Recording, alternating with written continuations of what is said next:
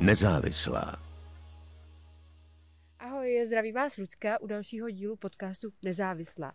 Dneska mým hostem je herečka Adela Gondíková. Ahoj Adel. Ahoj, ahoj, děkuji za pozvání. Ty vlastně nejsi pacientkou žádného psychiatra ani psychologa, ale ty jsi tady z té druhé strany, z té rodiny, která žije vlastně s člověkem, který tu psychiatrickou diagnózu má. Tvůj manžel hmm. Jirka Langmajer se léčí, pokud se nemýlím, s depresemi. Eh, v podstatě asi jo, jako není tam nějaká hlubší diagnóza nebo nějaká mm, napsaná taková, nevím přesně vlastně, jak se to jmenuje úplně, to, čím trpí, ale klasicky asi jsou to v podstatě nějaké deprese, které e, přetrvávají a v podstatě trošku k té herecké profesi si myslím vlastně mírně patří.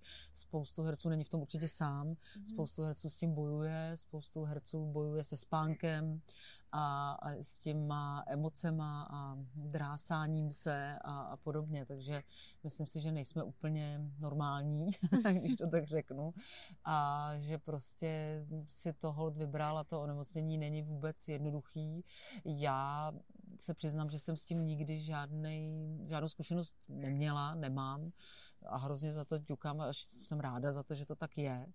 Samozřejmě, že mám splíny, samozřejmě, že mám různé strachy a podobné různé stavy, kdy mi taky není dobře, ale myslím si, že do deprese to má daleko. A když někdo říká, mám jako depku a takový, tak to jsou v úvozovkách jenom takový jako legračně smutný nálady, že s tím fakt zkušenost nemám a jsem za to strašně šťastná, že mu vlastně můžu být jako nějakou oporou, ale největší a lvý podíl na to má pochopitelně jeho lékař, ne já. Ale uh, ty, on sám prozradil, že vlastně až kvůli tobě nebo díky tobě naštívil toho odborníka a začal to hmm. řešit. Tak jak jsi to přijala? No, já... Tady to vlastně tady to sdělení tomu světu, mm. že ty stojíš za tím, že z Jirky je úplně jiný člověk. No, to oni vždycky tak všichni jako říkali na začátku, že jako ty si ho změnila a tak a já vždycky jako říkám, že si myslím, že se lidi nemění, že on je pořád stejný a bylo by to asi blbý, kdyby se změnil. A já se taky neměním a já taky mám svou hlavu, takže si myslím, že v tomhle to eh, není tak jednoduchý. Možná, že jsem přispěla jenom k tomu rozhodnutí vyhledat toho lékaře, ale samozřejmě už ty titulky jsou, že prostě šel na psychiatrii kvůli Gondíkový, tak to je jako je vtipný. Ale tak to určitě nebylo. Myslím si, že jenom věděl, že když sám se sebou nic neudělá, tak to prostě dohromady nepůjde. To, hm. to jsme jako věděli, že tak to jako nebude moc být nějaký společný život, protože já bych to asi nevydržela a on, on by se prostě asi trápil jako dál, no. takže, takže do toho šel jako ve velkým a, a dneska je to ne, 10, 15 let a vlastně nevím ani, jak jsme spolu dlouho úplně přesně, tak eh, prostě přes 10 let určitě e, žijeme takový vlastně normální život s různýma výkyvama, které mm. právě jsou ovlivněny právě tím spánkem, tím nedostatkem spánku, který tu náladu strašně ovlivní. A kdy byly ty prvopočátky, kdy jsi všímala na Jirkovi, že je tam něco špatně, nebo že to není úplně jako klasický muž jako s blbou náladu, která přejde?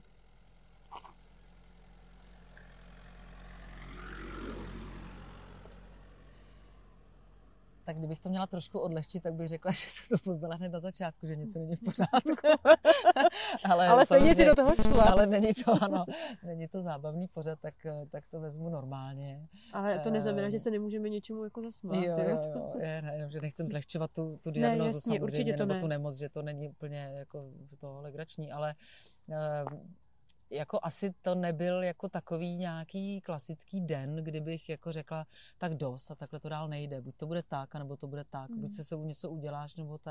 To určitě tak nebylo, protože my jsme, vlastně ten jako náš vztah nebyl úplně ze dne na den, bylo to takový plíživý a pomalý, takže to zase je na jinou jako debatu, ale ale i tam se člověk vlastně rozhoduje, jako hned na začátku, jako si řekne, co to je za blázna, jako co, co, co, to dělá, co to říká, no, říká úplný blbosti, co to má za, jako v hlavě vůbec, jako, mm. Takže vlastně jenom tím, že možná jsem mu já, jak on říká, s oblibou nastavovala zrcadlo, že jsem mu jako říkala, ale takhle lidi nepřemýšlí, takhle se jako lidi nechovají, takhle mm. tohle nedělají, tohle není správný, nebo tohle si přehnal, nebo co, co si o sobě myslí, že takovýhle, tak eh, možná toho jako dovedlo k nějakému zamyšlení. Ale já znova opakuju, že to není podle mě vůbec moje vina, že si on k tomu přišel sám, že jenom mě možná jako potkal a chtěl trošku jako změnit ten život, hmm. ale je to prostě věkem mým i jeho, je to, to tím obdobím, ve kterém jsme se potkali, v momentě, kdy jsme se potkali, že jsme byli zrovna v oba takový polorozložený lidi, že to bylo Mm. takový, to je vlastně hrozně těžký to hledat jako zpětně, co bylo tím pravým jako důvodem, ale určitě to byla jeho osobní vůle, že jako to chtěl prostě změnit, nebo chtěl, už se nechtěl trápit a, a chtěl prostě, risknout to, no, a udělal si dobře. On sám o sobě říkal, že byl dost nepříjemný, nebyl to zrovna mi- milý týpek, které, se kterým by se zašel na pivo, až arrogantní. Po, dě, byl i takový doma, nebo jako Ne, doma byl spíš ne. zachmuřilej a zavíral se jako před to, tebou? to, to, spíš bych řekla, že tohle byla varianta. Určitě by mě na to, že je nepříjemný, neulobil. Takže Já vím, ale že on to sám o sobě právě říkal, že jsem si to pročítala, že Jo, to jo. nebyl zrovna jako takovej ten tak milej já myslím, že on chlap. má, já si myslím, že on má dodnes trošku takovou tu auru toho herce, kterýho se vlastně trošku prvoplánově všichni bojí, nebo Hmm. ne bojí, to je možná jako silný slovo, ale má takový respekt, že úplně každý mu neplácá po ramenou jako hned a, a sice na něj lidi tak pokřikují kouba, tak jako to jo, ale, ale že by jako s ním každý hned chtěl jít jako na pivo, to, on to spíš jdou jako za mnou a řeknou, zeptejte se ho, prosím vás, jo, že to je, vždycky ho tak obcházejí, že jako si pořád udržel nějakou svoji tvář, Mm. proto to říkám, že se ty lidi úplně jako nemění, nicméně svojí jako přístupností a už jako třeba na natáčení, každý, kdo s ním jako točí, tak to ví, nebo už, už jako i mě říká, jako to je úplně něco jiného, než jako dřív, že prostě už taky prostě v jiný, v jiný fázi života, řekla, no. Pamatuje, pamatuji si na ten den, kdy on ti řekl, že vyhledá tu odbornou pomoc? Jestli jsi třeba vedli nějakou debatu, nebo, Já nebo si- jsi za to styděl? Mm, Ne, to ne, to si myslím, že ne, protože já si myslím, že už ji vyhledal mnohokrát i přede mnou. Já si Mhm. myslím, že já jsem nebyla úplně jako první, kdo, kdo by mu v tu dobu pomáhal, ale se mnou už našel potom takového jednoho konkrétního doktora, ke kterému chodí dodnes a který, když eh, Jirka mluvil v DVTV vlastně poprvé, tak upřímně Mhm. řekl prostě, co si myslí. já jsem se ho potom ptala, říkám, prosím tě, co se tam stalo, protože já jsem to neviděla a my se na sebe tak jako vzájemně moc nekoukáme, že jo, nějaký to člověk nečte úplně všechny rozhovory a nekouká se na všechny jako televizní nebo filmový ty protože to nestíháme, ale já jsem to neviděla, ten rozhovor tehdy a hrozně lidí mi furt psalo a říkalo a ježíš, to bylo krásný a to na to se musíš podívat. A já než jsem se jako na to podívala, tak jsem říkala, prosím, co jsi tam říkal jako jinýho, to nějak na ty lidi zapůsobilo hrozně zvlášť, taková vlna jako pozitivní, to nebejvá, jako těch rozhovorů člověk dá a nikdy to nestrhne takovouhle lavinu, kdy mě všichni jako právě prosili o číslo na toho jeho psychiatra a tak. A eh, tak Evidentně jsem se pak na to člověk. podívala evidentně a on vlastně, já jsem říkala, co se jako stalo a on říkal, já nevím, já jsem si nějak dobře najet předtím. tak to mě pobavil. A pak asi jako ta společnost Martina Veselovského, který se ho prostě normálně ptal a on přišel prostě asi nějak dobře naladěný řekl mu všechno, co byl prostě upřímný takhle. Ne, nehrál Ale si na ní, nic super. nevytvářel, vlastně byl jako upřímný a díky tomu, že byl takhle upřímný, tak eh, i spoustu kolegů, který si myslím, že i chlapi ho třeba ani nemusí, protože prostě to tak je, před chlapi mezi sebou jsou takový jiný než ty ženský, tak eh, i oni mi prostě jako říkali, hele, já jako vůbec nechci řešit tohle, tohle, ale, ale ten rozhovor byl fantastický. No, máme tady hezký vrtulník, ale Jsme v přírodě. právě jsme Ale- v přírodě krásně natáčíme, ale ale právě já si myslím, že to i to upřímnost, eh, což i mi Jirka právě sám říkal v rozhovoru, že ho potom oslovilo spousta mužů s tím, že mu...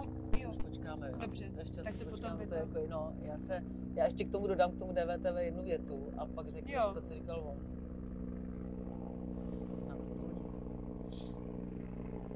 Máte vrtulník? No nevím, to je nějaký vyhlídkový let. Asi ví, že tady točíme. to je tady nějaký ten boháč No, vlastně. nevím, asi jo. Ten už tady má helikopter, ty jo.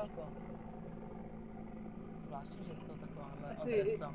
Jedou z Prahy, ty jo. Si no, Asi- přesně, kvůli nemají zácpě je čtvrtek. No. Vždycky ve čtvrtek je strašná zácpa. Ale jste ještě neměli, ne? Chytli jste? Ne, ty jsme nechytli ještě naštěstí. Ježiš, tak mu neutekla ta pes. Nebo... No, tak ještě jenom k tomu dodám. Ano. A ještě dodám k tomu DVTV, že... No, počkej, to řeknu, abys to mohla ustřihnout. A právě jak mi volali hodně ty lidi právě o číslo na toho pana doktora, tak ten Jirku potom prosil, prosím vás, hlavně nikomu na mě nedávejte telefon, protože pochopitelně doktoři mají jako plno.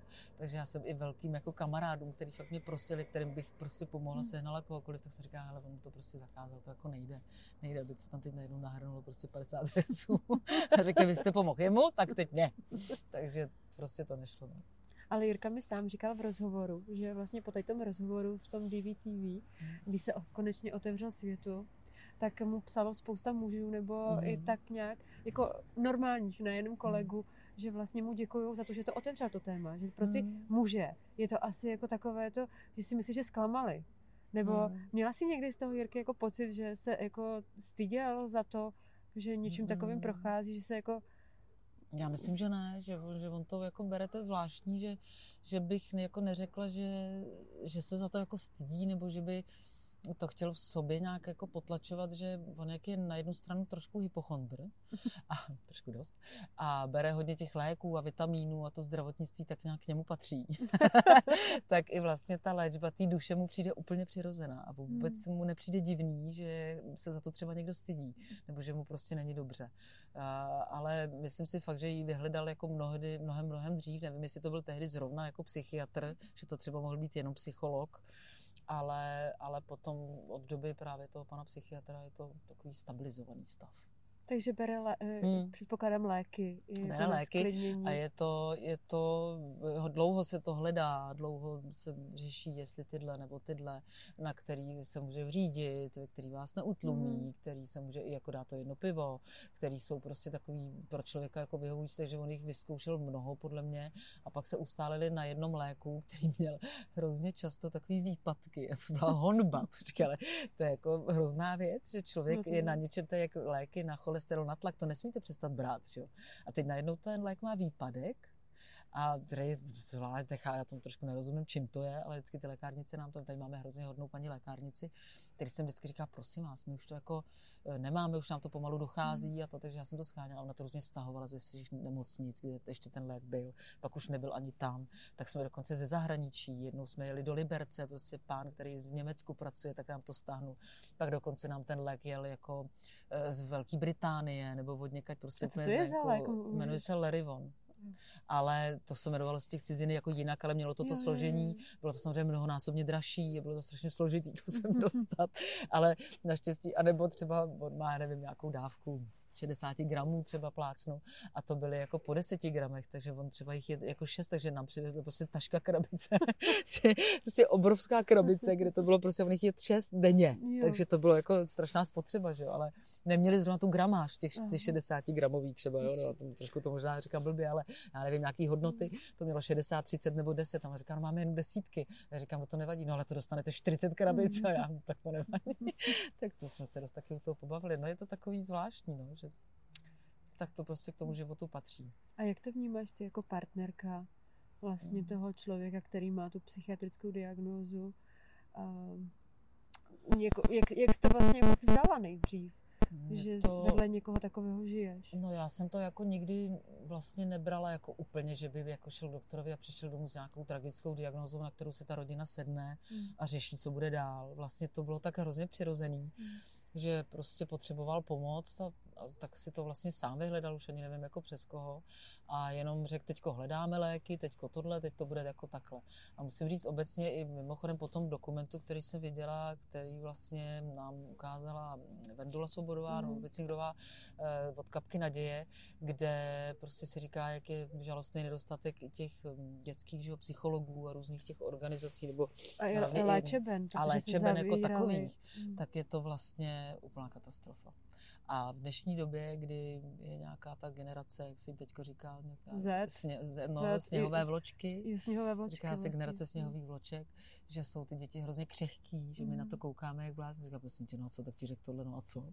Jako teď to pefuk. A oni se z toho jako zhroutí z nějaký jenom mm. informace, nebo nějakého nátlaku, nebo z maturit, no prostě z, vlastně všechno je jako je trošku problém, což nevím, kde to jako se stalo, nebo jak, No. se, jak, jako z čeho to pramení, ale prostě ten stav tu je a je potřeba se k tomu nějak postavit a nějak těm dětem pomoct. Prostě. Je to pro nás nepochopitelný, my si jako to vidíme, jako že Mm. oni nic nedělají a, a, že jsou prostě jenom na telefonech a že vlastně to je úplně, že jsou blbí a že já nevím co všechno. A myslím si, že to je trošku jako nespravedlivý, že prostě se k těm věcem musí přistupovat tak, že je to nějaký fakt, který Mhm. tady je, je to prostě nová věc a to, že mně to přijde absurdní, že se z něčeho ty děti hroutí, eh, je vlastně moje chyba.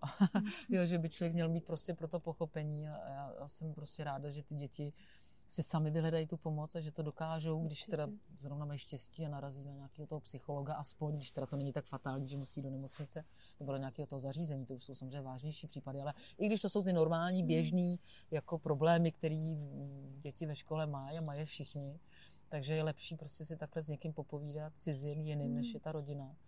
A že si myslím, že to do budoucna má, jako, že by to mohlo být prostě dobrý a nemuselo to dojít právě tak daleko, jako jsou potom ty deprese nebo nedej bože nějaký pokusy o sebevraždu a sebepoškozování a tak. No, já, já mluvím vám- jako kniha, viď? Ne, já jsem ráda, jako, protože já jenom nad tím jako přemýšlím a strašně jako vám fandím. Mm. Strašně Mm. tobě i Jirkovi, vlastně, který dřív byl strašně uzavřený, nebo co já to Mm. beru jakoby Hmm. i z toho novinářského hlediska, Hmm. že se v tady tom směru otevřel, což není jako příjemný téma. Jako, že člověk to Mm. může brát i jako to zklamání, nebo že prostě, ale přitom je to nemoc, která se prostě léčí. A já jsem ráda, že to i ty Mm. mi pomáháš teďka jako otevřít. I jakoby v roli té partnerky, že z toho pohledu, protože mi třeba píšou spousta jakoby třeba rodičů, nebo prostě někdo jakoby z rodiny, jak se k tomu má jako přistupovat, tak máš třeba nějakou radu pro ty lidi, jak se k tomu jako postavit, nebo co udělat pro to, aby tomu člověku bylo lépe. Ono je to právě hrozně těžký jako v tom a to je právě si myslím zřejmě proto, že ten Jirka už měl ty nejhorší stavy za sebou, si myslím já, když vlastně jsme se dali my dva dohromady. A Protože ono je to hrozně těžké, já jsem to zažila i u jiných jako lidí a jak říkám, když jsem to já nezažila, tak eh, nemůžu vůbec pochopit, co ta pravá deprese je, že ten člověk nedokáže vstát z postele, že nedokáže odvést dceru do školy, že prostě leží na zemi a nemůže se vůbec hnout, že je mu fyzicky špatně, Mhm. že eh, to jsou takové stavy, které já si vlastně vůbec nedovedu představit a i když člověk tam je jako v tom sebelepším světle, že se sebe líp jako snaží říct, to bude dobrý a, a já jsem Mm. takový věčný optimista a věčně dělám legraci a furt se snažím jako rozveselovat toho člověka a asi vím, že to je úplně k ničemu. Nicméně se o to stále snažím. Jakože prostě jsem ráno úplně vyřízená, unavená a stejně se otočím a řeknu, dobré ráno, miláčku. Ono mě kouká úplně, jako, co to je. Ale vlastně pak mi třeba zpětně řekne, říká, ty jsi tak neúnavně prostě optimistická, to je tak hezký, že i když já přijdu úplně zmuchlaný a vidíš na mě, že jsem nespal ani minutu, že jsem úplně vyřízený, takže mu jako dám tu pusu a řeknu ahoj, dobré ráno, přeju ti hezký den a on tak jako se třeba, ale myslím si, že kdyby byl v té těžké depresi, Mm. takže mu tohle vůbec nepomůže, jo. To fakt je potom už na tu lékařskou jako pomoc a na ty medicamenty, tam prostě už bohužel asi opravdu pomůže jenom ta chemie, Mhm. což je prostě fakt vážná věc. no. Já ti, Adel, děkuji, že jsi promluvila v mém podcastu o tady té osvětě a vlastně těch duševních nemocí. A budu se těšit, že přijdete i na tu besedu pro ty děti v té dětské No. psychiatrii v Motole. No, Určitě, určitě, určitě z vás určitě. budou na- nadšený, že tam uvidí no, to jo. To bychom mohli přijít maybe, to by byla legrace. Ježiš, to by bylo super, Kdyby akorát, jsme jí tam vypustili. ale já jsem přemýšlela nějaké jako kanisterapii, že pro ty Mm. děti by to taky mohlo být jako fajn.